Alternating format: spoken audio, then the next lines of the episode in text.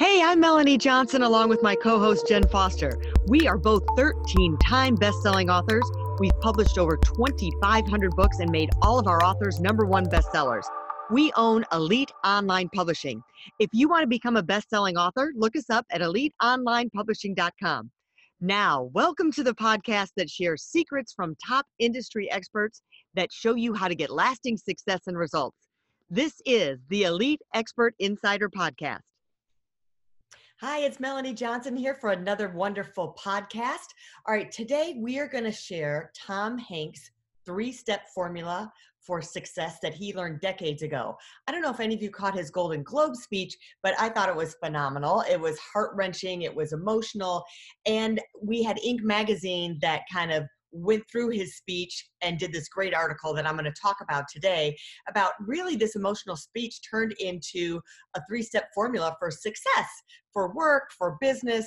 Um, I just think it was so cool. He told this story of when he worked in his first professional job. He was an intern at Great Lakes Shakespeare Festival, which that's my neck of the woods. I'm from Michigan, Great Lakes.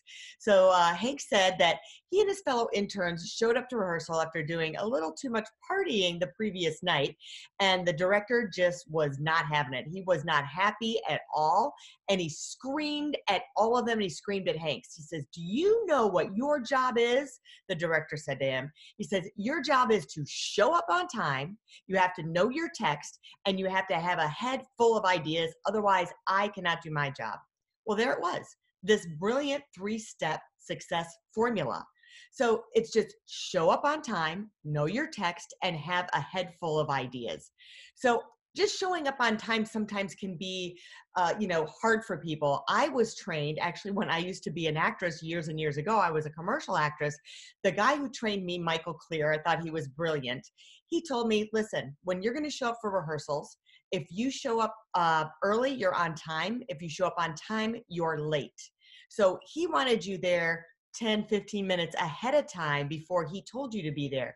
So you could get yourself situated, you knew what was going on. And that's exactly what Tom Hanks said that he said, for an example, if you get there early, you get comfortable with your surroundings, you can get a drink of water, use the restroom, settle your mind, and gather your thoughts. And that's exactly what my mentor, Michael Clear, had told me the same thing. So, and if even if you're going to a job, right, if you show up at your job and you're supposed to be there at nine o'clock and you get there at nine, most of the time you're heading to get a drink of water or a cup of coffee, maybe chat with a couple people, take all your stuff off, take your jacket off, get organized. Well, the next thing you know, it's 9 15, 9 20, right? And then you've already wasted that first 15 minutes. And as an entrepreneur, you know, time is of an of the essence, even for you know a business owner. So you want to be very mindful of that time. So showing up, it shows respect for others. It demonstrates the abilities of good organization, shows that you're reliable, and that you have a good work ethic.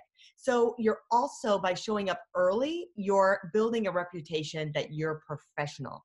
If you have a habit of being late, it's time to change that right now. So the other thing he talks about is knowing your text, knowing your lines. It's the whole thing, Hanks continues. You might not be the right in the right opinion that you bring, like you might not have the same opinion as everybody else, but at least you're bringing something. You're bringing with some direction. So think about it uh, like professional athletes, creatives, even analysis and uh, number crunchers. Often it's not the smart, they're not the most, might not be the most smartest person in the room, but they might be the most successful. It's the one who comes the most prepared. If you have an idea or something that's going on. So, this is one reason behind one of Amazon's most interesting business practices. CFO Best Jeff Bezos insists executive meetings begin with about a half hour of silence so that everyone has time to read a well prepared memo and all getting on the same page before the discussion begins of course, most of us don't have that liberty. So, the way to set yourself apart from the pack is to make sure you take time to know your text before you speak. Well, if you're not an actor, you want to know what's going on. Like when we do our podcast interviews, I want to look at the person that I'm interviewing before. I want to look at who they are, look at their bio, look at the background. If you're having a sales meeting with someone, you're trying to sell them a product or a service, well, you should know who they are. Maybe find out their personality, their pain points, check them out on LinkedIn, Facebook, YouTube, wherever you can find information about them or their company. Know who they are so you come prepared with that ahead of time. So the other thing is have a head full of ideas. So speaking to this point, Hanks says the following. The head full of ideas, bringing anything, try anything. They might not use it. If it stinks, they won't use it. But if you're right, they may use it. The best companies, they like actors and directors and successful because they are employees, are consistently seeking, trying new things and growing to improve them.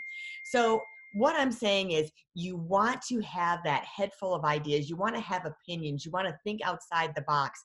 Don't be afraid of being, oh, well, that's a stupid idea.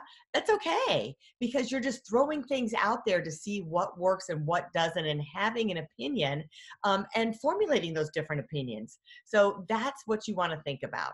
So, um, are you already to, are you ready to do more to go higher? This formula is simple. So let's review it one more time show up on time, know your text, which means know what's going on, know the background of people, know what's happening, and have an opinion and have ideas how you can contribute.